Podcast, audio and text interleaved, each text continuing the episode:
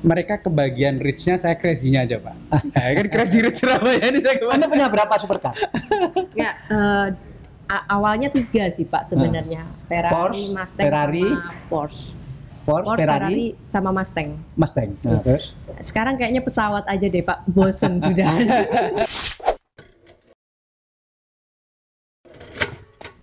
Saya baru ketemu sekali ini. Hari ini dikeroyok saya dua orang, biasanya satu orang. Dan ini saya kita pernah ketemu. Belum padahal. Belum pernah ketemu. Kita belum pernah ketemu. Belum. Belum pernah. Saya juga nggak tahu siapa namanya eh, dan dari organisasi apa yang yang jelas saya tahu bahwa hari ini saya harus ada di sini dan ketemu dengan orang-orang yang hobinya agak langka, terutama di Indonesia, lebih terutama lagi di Surabaya. Karena hobinya ini adalah menerbangkan pesawat.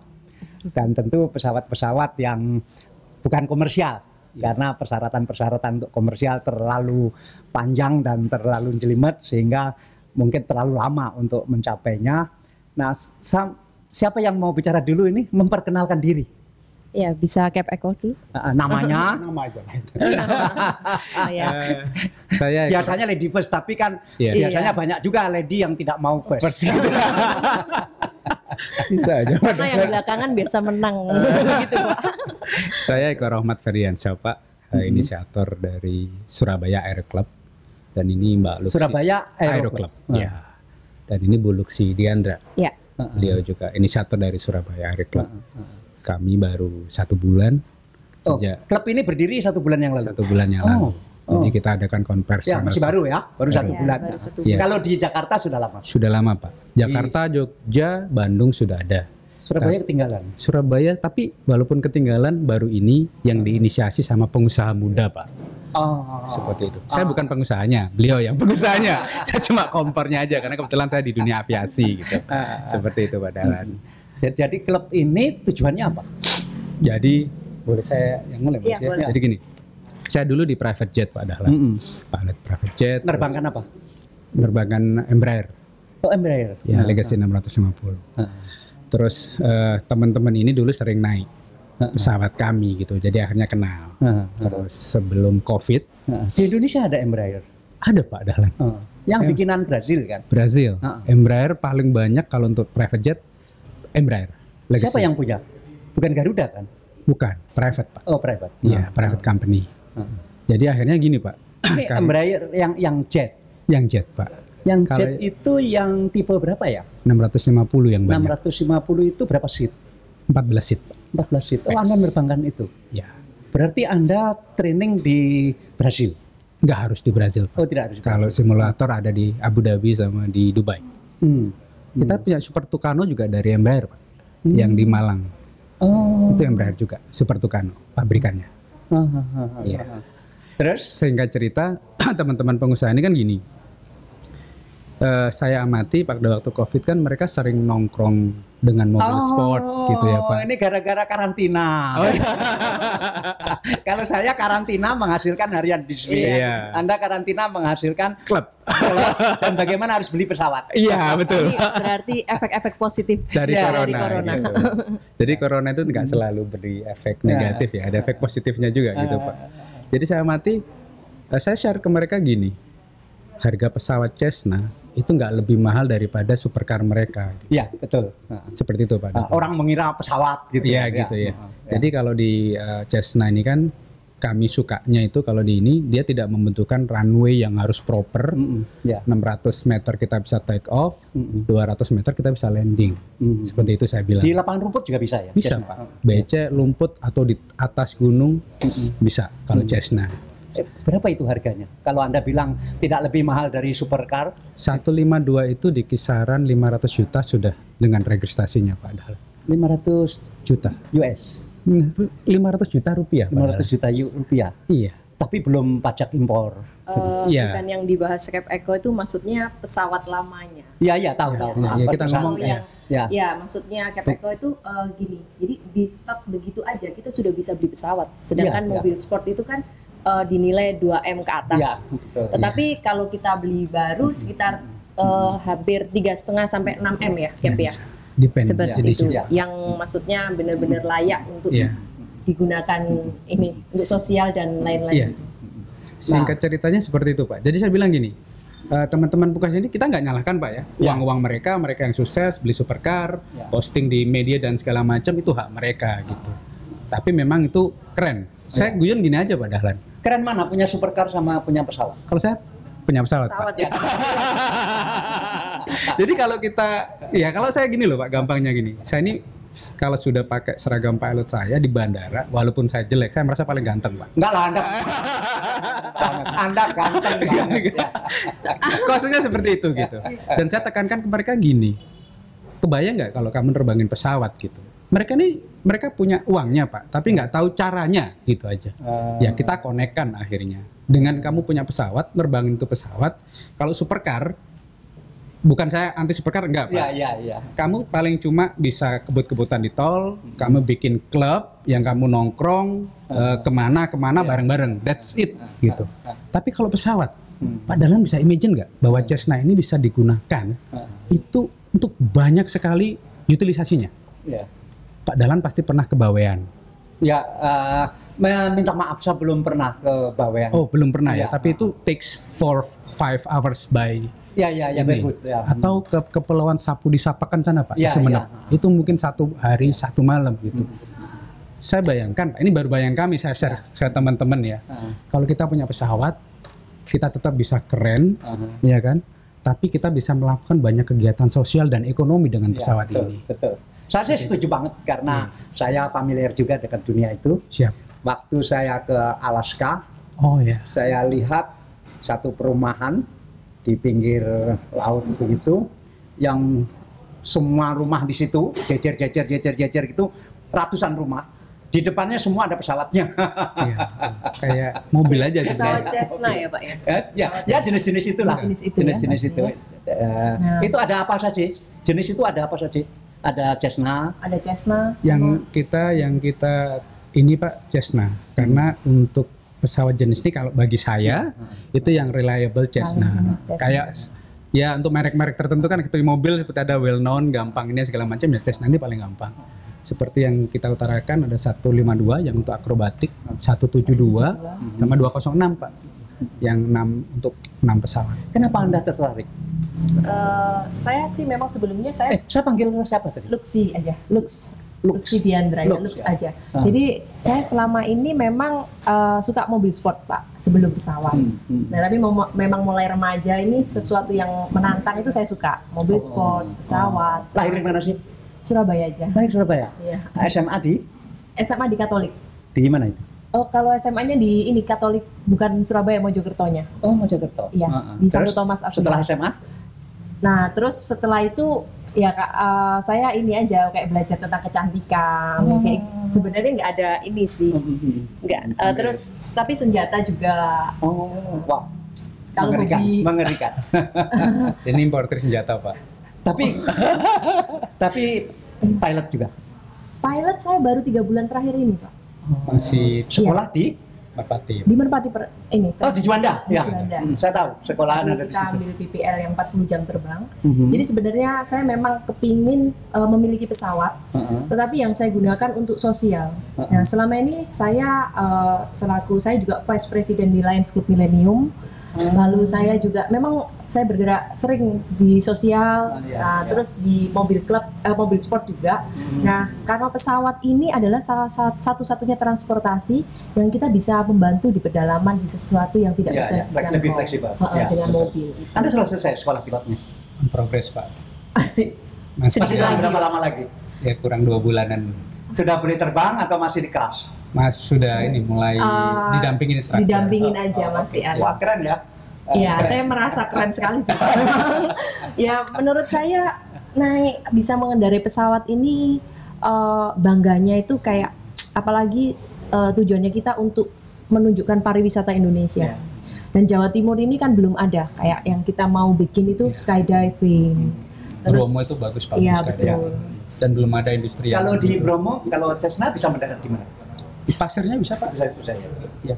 Gini Pak, sebenarnya kalau kami yang as a pilot itu kita sebenarnya bisa di mana pun kalau Cessna. Tapi Ya. kadang terbentur sama regulasi. regulasi ya, Ya. kan ada peraturan di mana boleh, di mana ya, tidak. ya, ya, seperti itu. Tapi kalau ada permitnya itu minta dikosongin Pak, ini saya landingin depan kantor Bapak, insya Allah bisa lah. Gitu kan? Ya, saya dulu saya dulu ketika memutuskan beli helikopter, Iya. saya pikiran saya juga begitu. Wah nanti saya kalau pulang ke ke Magetan gampang bisa Bapak di mendarat Magetan ya Pak ya? eh, aslinya ya. Oh, asli Magetan. Magetan. Nah saya beli karena waktu itu saya sakit, kemudian saya sakit kanker eh, hati, kemudian transplant dan setelah transplant saya bayangkan saya tidak bisa ke mana-mana sehingga ah, saya beli helikopter aja. Kemudian nanti setelah transplant kalau nggak bisa nggak bisa naik mobil, nggak bisa jalan, ya naik helikopter aja ke mana. Kemudian saya beli itu ternyata juga nggak segampang itu karena begitu mau mendarat di ha- harus sudah ditentukan di mana boleh mendarat. Wah, dari situ masih harus naik mobil lagi jauh lagi. Ya, Iya. Jadi saya kira nanti tantangan terbesar Anda di eh, regulasi itu. Iya. Sudah siap menghadapi itu. Iya, kalau Sangat siap. anak, anak muda itu kan enak Pak, tinggal Iya, dikompori iya. aja Iya, ditabrak iya. aja kalau gitu.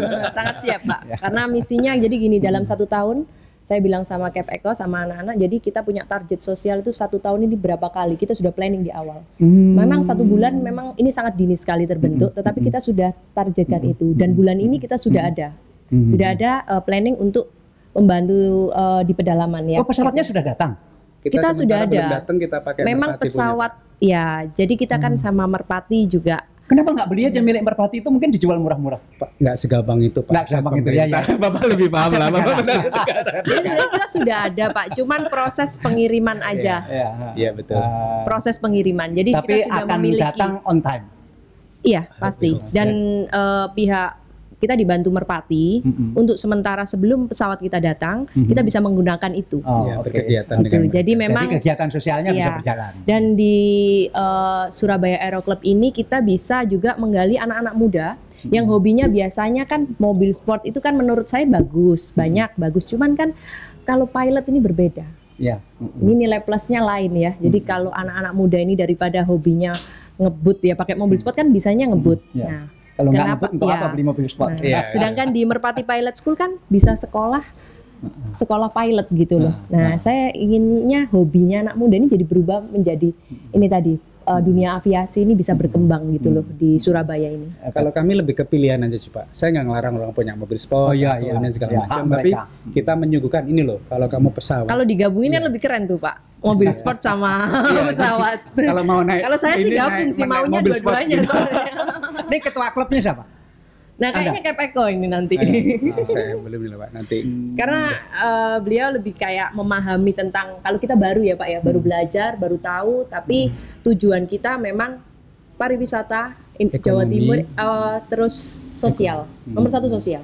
Gitu. Karena selama ini kita sudah ber- sebenarnya kita sudah ac- action sosial selama ini sebagai pengusaha muda ya. Tapi untuk ke pedalaman ini susah sekali kalau kita nggak memiliki pesawat sendiri. Tadi yang kegiatan sosial yang sudah diprogram tadi apa? Kita mau ke Bawean. Bawean Pak. Bapak, Ngapain? Mau ngapain di sana? Nah, kita mau beli apa? Berikan bantuan, bantuan ke. Jadi kalau bawean itu orang kan, eh, mohon maaf ya, kayak bapak aja belum pernah ke Iya, sana. iya. Nah, kita sering membantu, tapi kan yang gampang terjangkau. Gitu. Saya belum pernah ke Bawean, tetapi saya berpikir keras tentang Bawean. Ketika saya menjadi dirut PLN, saya memikirkan bagaimana agar Bawean ini punya listrik dan listriknya jenis apa, karena tidak gampang. Dan akhirnya kita ketemukan namanya CNG. Jadi kita eh, pikirkan bahwa bagaimana gas itu dikompres, dipadatkan, kemudian setelah dipadatkan dibawa ke Bawean, kemudian di sana gas padat itu diurai, kemudian menjadi eh, bahan bakar di sana. Nah, artinya saya belum pernah ke Bawean, tapi hati Sudah saya ada di sana. Action Ya, di ya, bawean ya. ya, Pak ya, walaupun tidak ada orangnya di sana. Nah, tujuan As- asiknya di mana latihan terbang? Oh, kalau saya sih pertama kali nerbangin sih, menurut saya sih keren sekali sih, karena gini ya. eh, kalau takut mati? Sama sekali tidak kalau saya. Karena kalau mati kan tinggal langsung jatuh kan Pak. Nah, kalau naik sepeda itu kan jatuhnya Ada sakit. sakitnya Pak. Ada asuransinya lagi Pak. Ya, Ya, intinya ya, kalau Yang saya sih ada gini. humor bahwa jangan kalau menerbangkan pesawat kalau mau jatuh lebih baik jatuh langsung. Jangan jatuhnya seperti di Kalimantan, Iya. jatuhnya tuh ke atas pohon. nanggung Ah, kemudian betul. pohonnya tinggi-tinggi di sana, baru dari pohon itu dia jatuh. Jadi di reportnya wartawan dia jatuh bukan dari pesawat, jatuh dari pohon. Beritanya jatuh dari pohon ya, Misalnya Pak, jatuh ya, dari pohon iya. nggak keren jadi. Ya, tapi kalau kita sih ya selama ini maksudnya untuk belajar terbang ya jangan belajar terbang untuk jatuh kan. Iya, Ya, iya. pasti tanpa jatuh ya Dan kan gitu. safety-nya kan sekarang Iya, udah luar sudah. biasa ya. Nah, Sekarang ini Jadi sebenarnya gini loh Pak, orang-orang itu kurang memahaminya gini. Pe- Pesawat itu moda transportasi paling aman Iya, iya.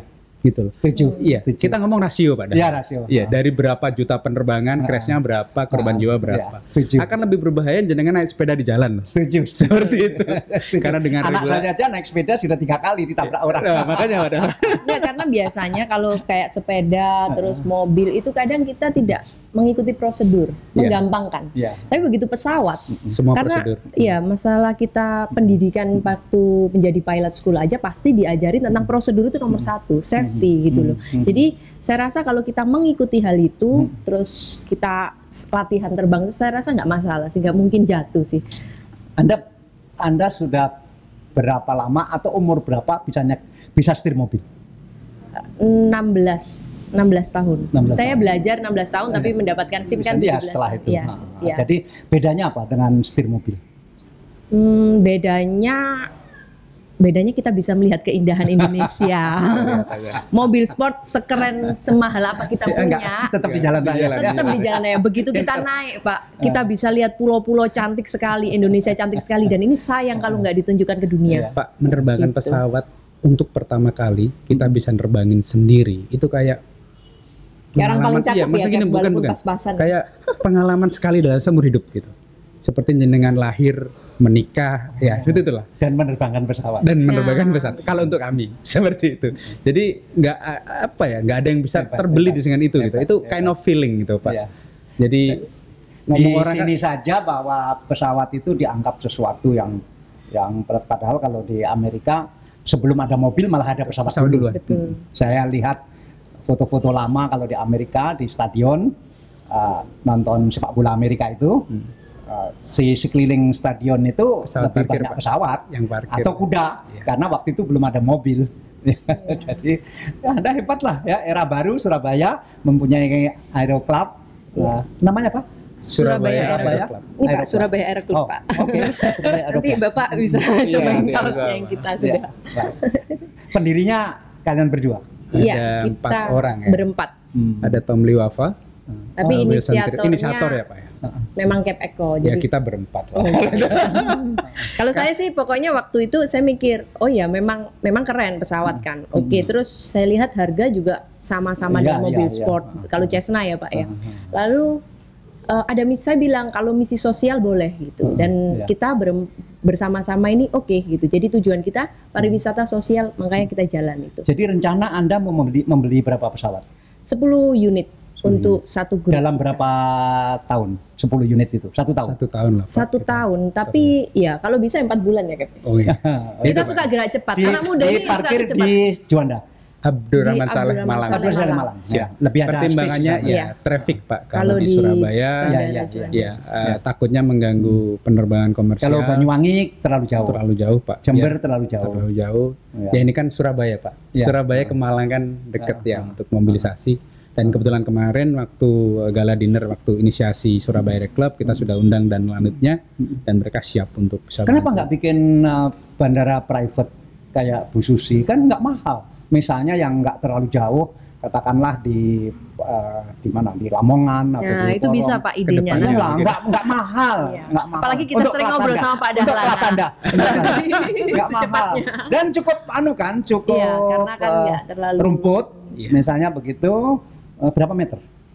Eh, mungkin kalau ininya ya 10 meter bisa Pak. Lebarnya, lebar, ah. panjang di satu kilo aja standar bisa. Oh, nggak nggak nggak ada artinya.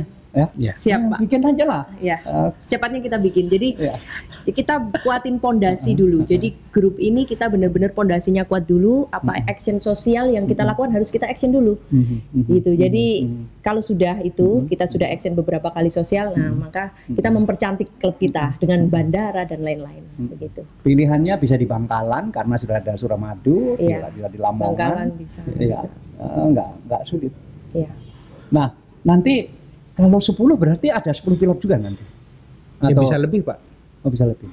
karena kan eh, pesawat bisa gonta-ganti siapa yang ikut join dan segala macam. Karena yang masuk Surabaya Aero Club ini ya memang yang suka dunia aviasi. Minimal ya mereka akan belajar menjadi seorang pilot. Hmm. Ya. Masa punya pesawat terus nggak bisa nerbangin kali kan kan kok ini pak kurang. Kan jadi mereka akhirnya ya kebetulan mereka mereka tertarik pak untuk masuk Jadi Anda untuk program ini Anda mendirikan perusahaan baru yang bidang usahanya Baru perkumpulan pak Dahlan. perkumpulan Startnya.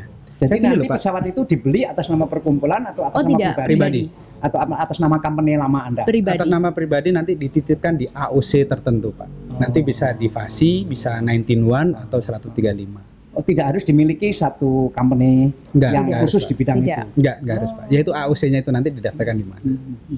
Anda Jadi- bisnis apa selama ini? Kenapa? Minta. Kalau boleh disebut bisnis apa? saya bisnis saya batik pak saya batik batik mempromosikan batik di sudah di Serbia sudah di di dunia ya lumayan di Amerika Ada brand- brandnya apa? iya Luxi Diandra LD batik iya Di Surabaya, di iya Indonesia di, di Indonesia. Surabaya Punya, saya punya pabrik, berberlian punya- sama batik Hah? berlian dan batik Berlian dan batik. iya Wah, Jadi memang rencananya sebenarnya corona ini Pak, saya itu sebenarnya buka di Paris. Nah tapi karena corona ini jadinya SAC Pak, Surabaya Aero Club. karena kan kita nggak bisa ke mana-mana Pak sebenarnya. Dan selama ini kita hobinya traveling ya Pak, memperkenalkan batik, memperkenalkan berlian, mutiara. Akhirnya ya itu tadi Surabaya Aero Club ini kita akhirnya saya belajar untuk pilot. hebat, lalu- hebat sekali. Batik itu punya pabrik sendiri. Iya kita bikin sendiri. Di pab- pabriknya di Jadi kita produksi sendiri di Di Surabaya. Surabaya. Ya, di Banyuwangi juga ada. Jadi kita memang itu batik modern atau batik, batik, iya batik kekinian ya. Jadi Kekinian. batiknya ini karena dulu kan saya batik ini sekitar tiga tahun yang lalu. Eh, kita mix batik ini dengan ar- kain Armani jeans. Jadi kesannya anak muda Oh. gitu. Awalnya itu batik, terus eh, berlian ya itu aja sih. Yang untuk Terus yang mau fashion. dibuka di Paris apa? Bat- jadi Out- outlet. batik, batik. Jadi Outlet. iya outlet batik. Tetapi karena kan biasa outlet itu eh, seperti brand-brand terkenal ya, LV dan lain-lain itu mereka kan selalu memberikan aksesoris. Nah kalau aksesoris mereka dengan harga 8-12 juta hanya lapis emas dan zircon, saya memberikan 70% dari emas dan berlian asli Wow. dengan harga segitu pak. Hmm. Dan kekinian, maksudnya dulu orang pakai berlian, batik itu yang ya mohon maaf pasti orang-orang yang ibu pejabat, Hmm. orang-orang yang sangat matang. Nah sekarang ini sudah tidak. Jadi teman-teman saya, anak-anak mobil juga, mobil sport apa mereka menggunakan itu dan apa kayak berlian juga desainnya kita benar-benar yang kekinian sekali gitu, santai aja. Oh, oh, saya nggak hobi berlian, jadi nggak bisa berdebat ini tentang berlian. Ya kita Kalau batik, ibu saya pembatik. Oh luar Di biasa. desa. Iya. Oh iya iya. Ya. Eh, saya masih belajar tentang pakem batik, tetapi di sini saya ingin memperkenalkannya batik Nusantara. Jadi dari semuanya, dari Ambon, dari Papua. Jadi kelas dari- harga yang 12 juta ke atas. Untuk batik yang Sutra Prada, yes, Oh. itu memang mahal. Tapi untuk, nah saya bikin kaos batik juga. Nah, kaos Ah. batik ini saya sudah dipakai sama tim penembak Filipin, ada wali kota Filipin, gubernur Filipin juga pakai. Lalu eh, jadi ada desain batiknya. Tapi untuk tim tim Yang mendesain olahraga, Anda sendiri. Saya sendiri. Wow, ini seniman ternyata. Iya, saya seniman. Seniman. Suka seni. Nah, nanti pesawat ini saya batik juga. Yang benar. itu serius. Yang benar. Oh. Mobil sport saya saya batik. Tas saya Hermes saya batik. Mobil sportnya apa? Mobil sport yang Lamborghini? Porsche saya bukan Oh, yang Porsche. Porsche. Porsche saya batik persis sama batik eh, tas saya. Tas saya Hermes saya batik. Eh, lihat lihat lihat tasnya, tasnya. tasnya. Ya. Jadi memang penggila batik saya, Pak. Oh, oh, jadi tas pun Saya dibatik. batik, iya. Wow. Oh, Lucy Diandra. Yes. Nih, Jadi nah, ini nah, saya nah, gunakan hari-hari dan saya waktu ke Paris, saya waktu ke Budapest, saya nah. memakai Eh, ini bukan promosi ya. Tapi ya beginilah kenyataannya. Iya, ya karena begini, kita sebagai wanita ya, maksudnya eh, kartini masa kini, yang bisa kita lakukan kan nggak mungkin seperti dulu. Perang juga sudah nggak ada kan Pak. Jadi kita ya, ini tadi warisan budaya kita tunjukkan ke Ya, dunia. tapi corak batiknya memang eh, memang Iya. modern sekali dalam pengertian eh, dalam pengertian proporsional dan dan seni ya. Oke. Iya. Jadi nanti pesawat juga diginikan. Iya Pak. Ada berapa tas yang Anda Oh enggak, cuman yang model batik begini satu. Satu. nanti MS. pesawatnya dari 10 juga satu yang dibatik. Sat- jadi kalau pesawatnya 10 beda-beda batiknya Pak. Oh, tapi akan dibatik semua. Enggak. Wah, Anda konsekuen sekali Boleh ya. ya? Tergantung. Anda konsekuen sekali ya dengan saya suka Anda. sekali dengan batik karena menurut saya batik itu apa ya? Itu bener-bener harga mati Indonesia Raya banget yang Anda- warisan yang luar biasa buat saya. Anda senimannya dari darah dari bapak atau dari ibu? Eh, papi saya memang sangat suka dengan perwayangan, suka dengan batik. Eh, opa saya, eh, kakek saya itu dimakamkan di Keraton Solo. Jadi kita memang suka sekali dengan budaya Indonesia gitu. Asli wong Jawa, Pak. Hebat. ya. Eh, ayah usaha apa? Eh, papi saya sudah sudah tidak ada ya, maksudnya Oh, oh, sudah maaf, ya, maaf ya. sudah ini Dulu usaha apa? usahanya di bidang hukum aja sih dulu. Oh, Cuman ya sebenarnya papi saya ini bukan asli orang Indonesia sebenarnya. Oh. Ada darah Rus apa Jerman. Oh, makanya cantik sekali ya. Tapi kita terdidik dengan budaya Jawa. Hmm. Karena kita lahir di tanah Jawa. Mm-mm. Terus eh, makam papi saya juga di Trowulan, makanya di Oh. Mojokerto di Trowulan. Ya kita terdidik dengan budaya Jawa. Keren, keren, keren. Jadi, se- dulu kenapa jadi pilot? Pak, SMA di mana? saya di Malang, Pak. Oh di Malang. Iya. Lahir di Malang. Lahir di Lamongan, Oh, lahir di mana? Di Lamongan Kota. desa, Pak. Di Kecamatan Maduran sekarang. oke. Sebelum Bapak Sebelum belok belok kanan. jalur tengah jadi ya, bukan jalur utara ya. Iya. Hmm. Pak, laki-laki desa, anak desa.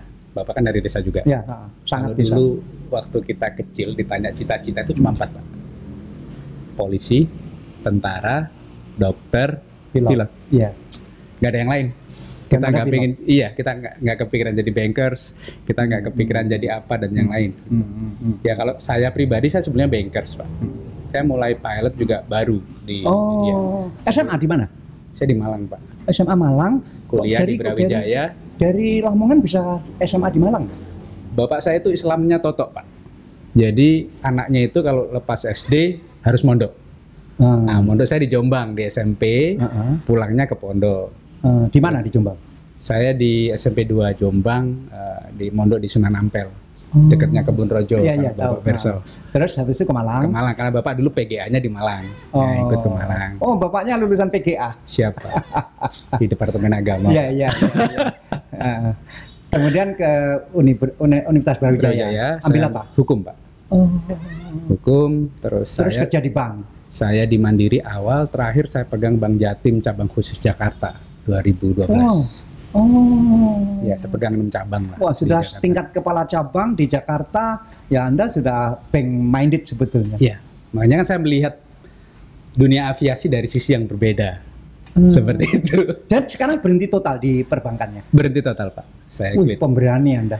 Ya, saya Anda ambil pemberani. satu tahun eh, kursus CPLIR, terus saya terjun di dunia aviasi. Belum telat umurnya waktu itu.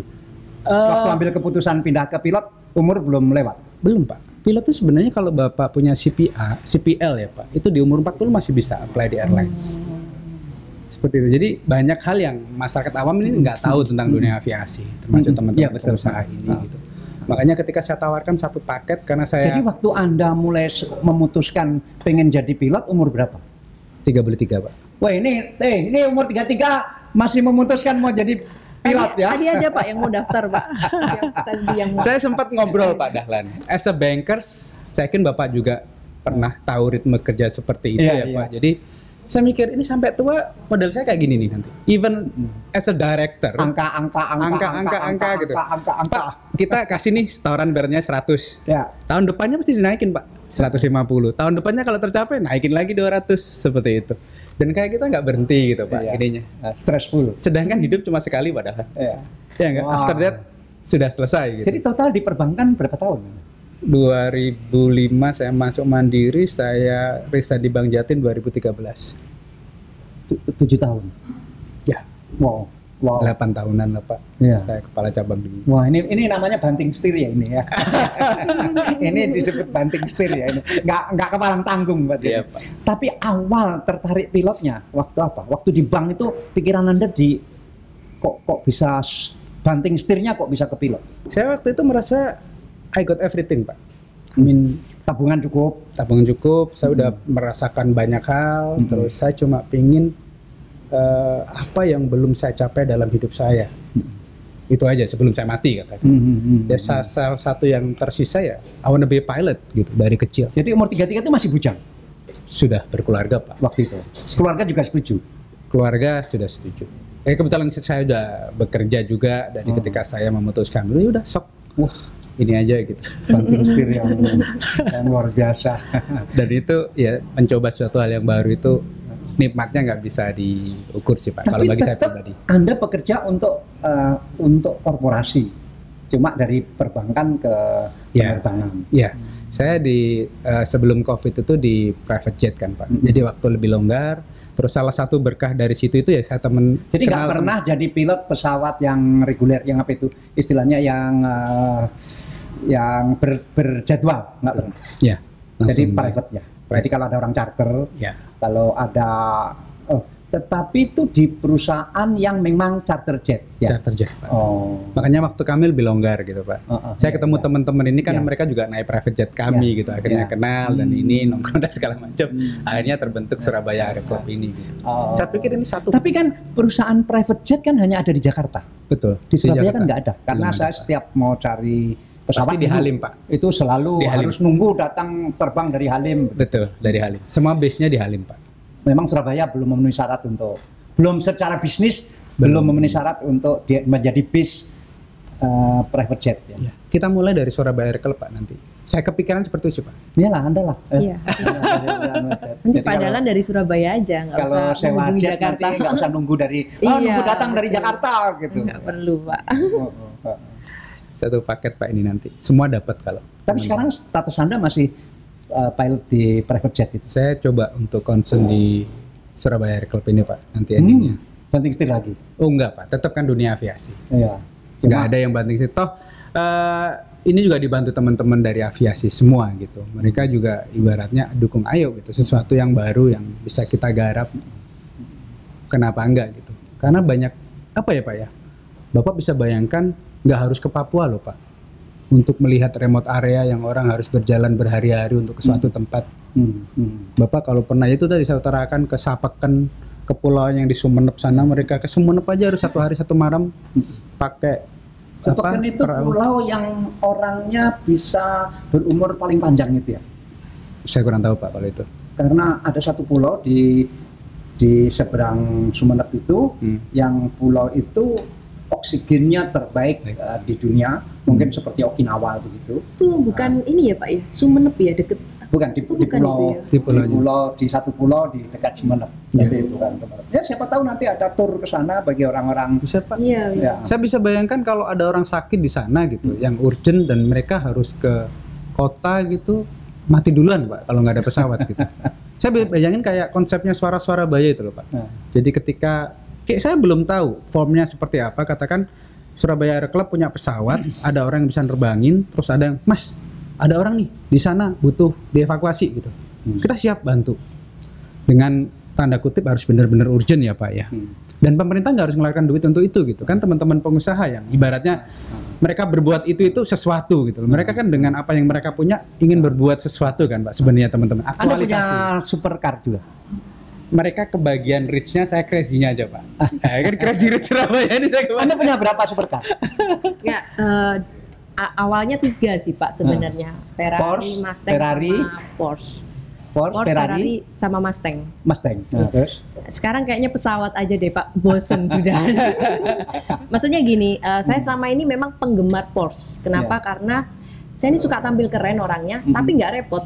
Jadi kalau kita pakai Ferrari, pakai yang Lambo, Hmm. susah kita untuk menjangkau ke proyek, ke kerjaan itu susah. Tapi begitu Porsche ini kan uh, Ininya, kesannya, jarak. ya kesannya dia sport, tapi sebenarnya ketinggian sama tanah ini ja- lumayan jauh, seperti Mercedes Benz seperti itu. Nah itu yang membuat saya mulai saya 18 tahun sampai hari ini saya pakai Porsche. Itu mobil kesayangan saya memang Merah? brand- Yes. Warna apa? merah. Merah. Oh. Di awal merah, lalu ada satu yang saya Apa, batik persis apa? ini. Tipe apa? Pers, anu, Porsche Cayman. Bagian. Iya, ya itu itu memang dan kalau pesawat ini kayaknya Cessna. Ini. setir mobil, setir mobil paling cepat berapa? Wah. Enggak, enggak terlalu Saya sih. saya paling cepat 160. Eh, itu pun hanya beberapa detik dan harus di luar negeri. Iya, Artinya, iya. ya, Karena kan di sini ini, ya, Pak. ada regulasi Iya, tertentu. diberhentikan, Pak, kita, Pak. Jadi eh, sekitar 200 lah ya. Hah? Eh, setir mobil kecepatan 200 itu jarak tidak ada artinya. Sehingga eh, misalnya kita di otoban di Jerman ya, Di Jerman. itu kan tidak ada batas Iya. kecepatan. Iya. Itu eh, kalau mau surga ya di sana iya. karena tidak ada batas kecepatan. Dan saya pernah naik orang yang nyetir eh, 180 betul-betul jarak itu tidak ada arti. Iya. Apalagi pesawat nanti. Saya memang suka tantangan, Pak. Iya. Suka menaklukkan ketakutan. Kalau sekolah begini pakai simulator juga awalnya. Simulator. Iya, pasti. Di Juanda ada. Iya. Di Merpati ada. Simulator Eh, yang pakai terus terang saya belum pernah lihat meskipun dulu saya membawakan eh, Merpati karena ketika saya jadi menteri Merpati dalam ke- sudah dalam keadaan yang parah sekali sehingga tidak sampai melihat ke situ tapi saya pernah di kokpit simulator di Garuda jadi eh, saya merasakan bagaimana eh, mengendalikan pesawat eh, di simulator dan nabrak Tapi kan di simulator, Pak. Nggak apa-apa. Tapi simulator kan lebih sensitif, Pak, daripada pesawat kan? Iya. Dia lebih Ah, saya nggak tahu Jadi kalau Bapak nabrak di simulator kayak itu terbang nggak nabrak. Nggak nabrak. Oh Karena lebih sensitif, lebih susah simulator. Iya, iya, iya, iya, iya. Ya memang simulator didesain Iya. untuk emergency kan, Pak. Iya. Jadi sebenarnya simulator itu didesain untuk itu. Hmm. Jadi ketika dia lulus di simulator, ketika real flight-nya bisa lebih gampang. Pasti bisa. Nah, dia kan perlu nanti direktur operasional. Anda berhenti aja dari private jet itu, jadi direktur operasional di sini. Ya. Siapa ke depannya seperti itu? Sepertinya Kepeko mau koleksi pesawat juga soalnya Pak.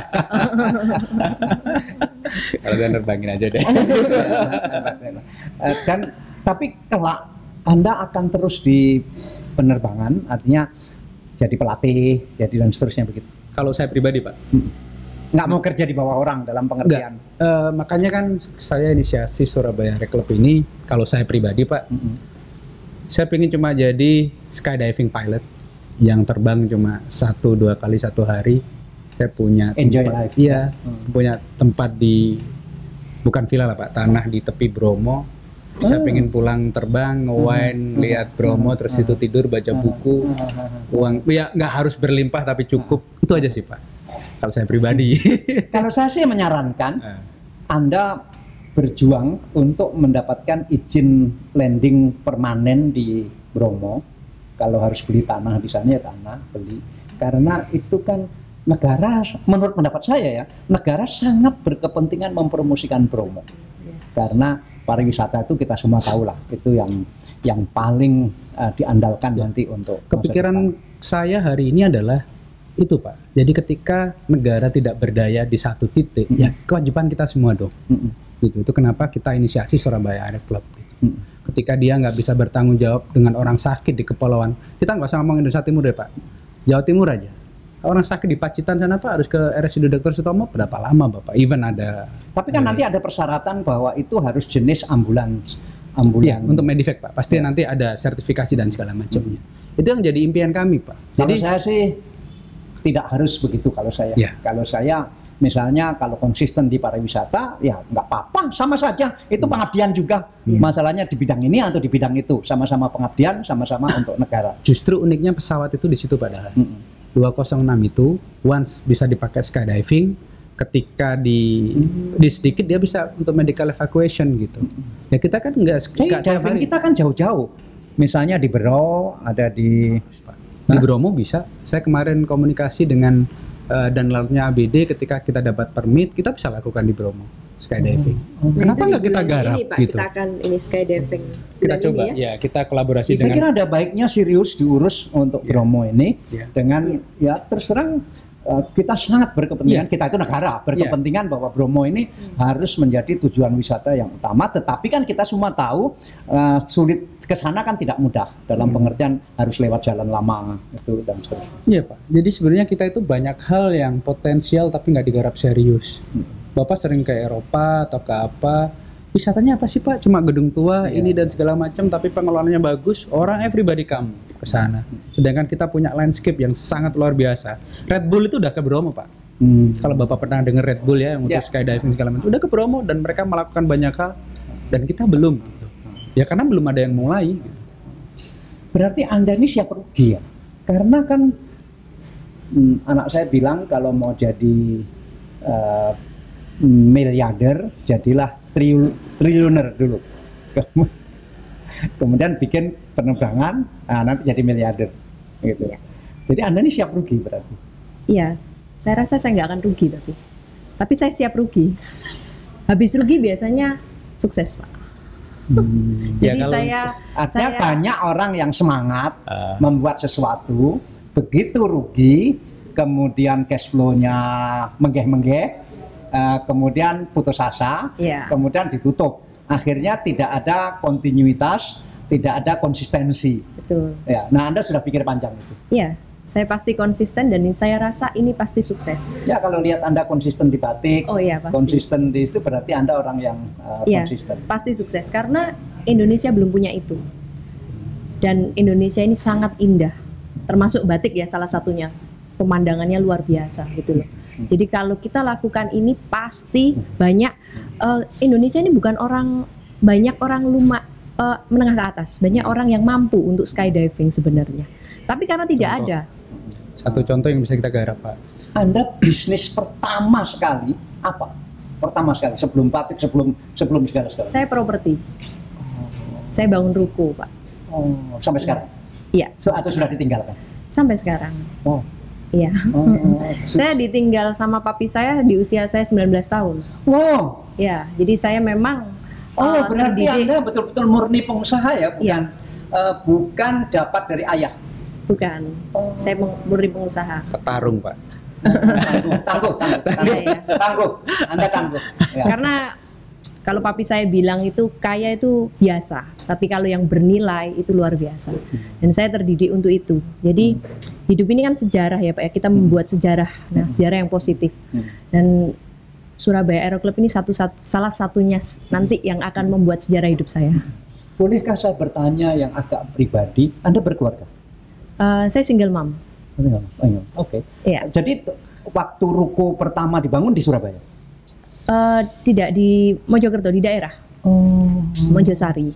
Oh di Mojokerto. Oh, Iya. di daerah sekali. Ya, memang saya ingin pemerataan ya. Jadi eh, ruko saya ini menengah ke bawah. Jadi di angka di bawah satu miliar. Oh.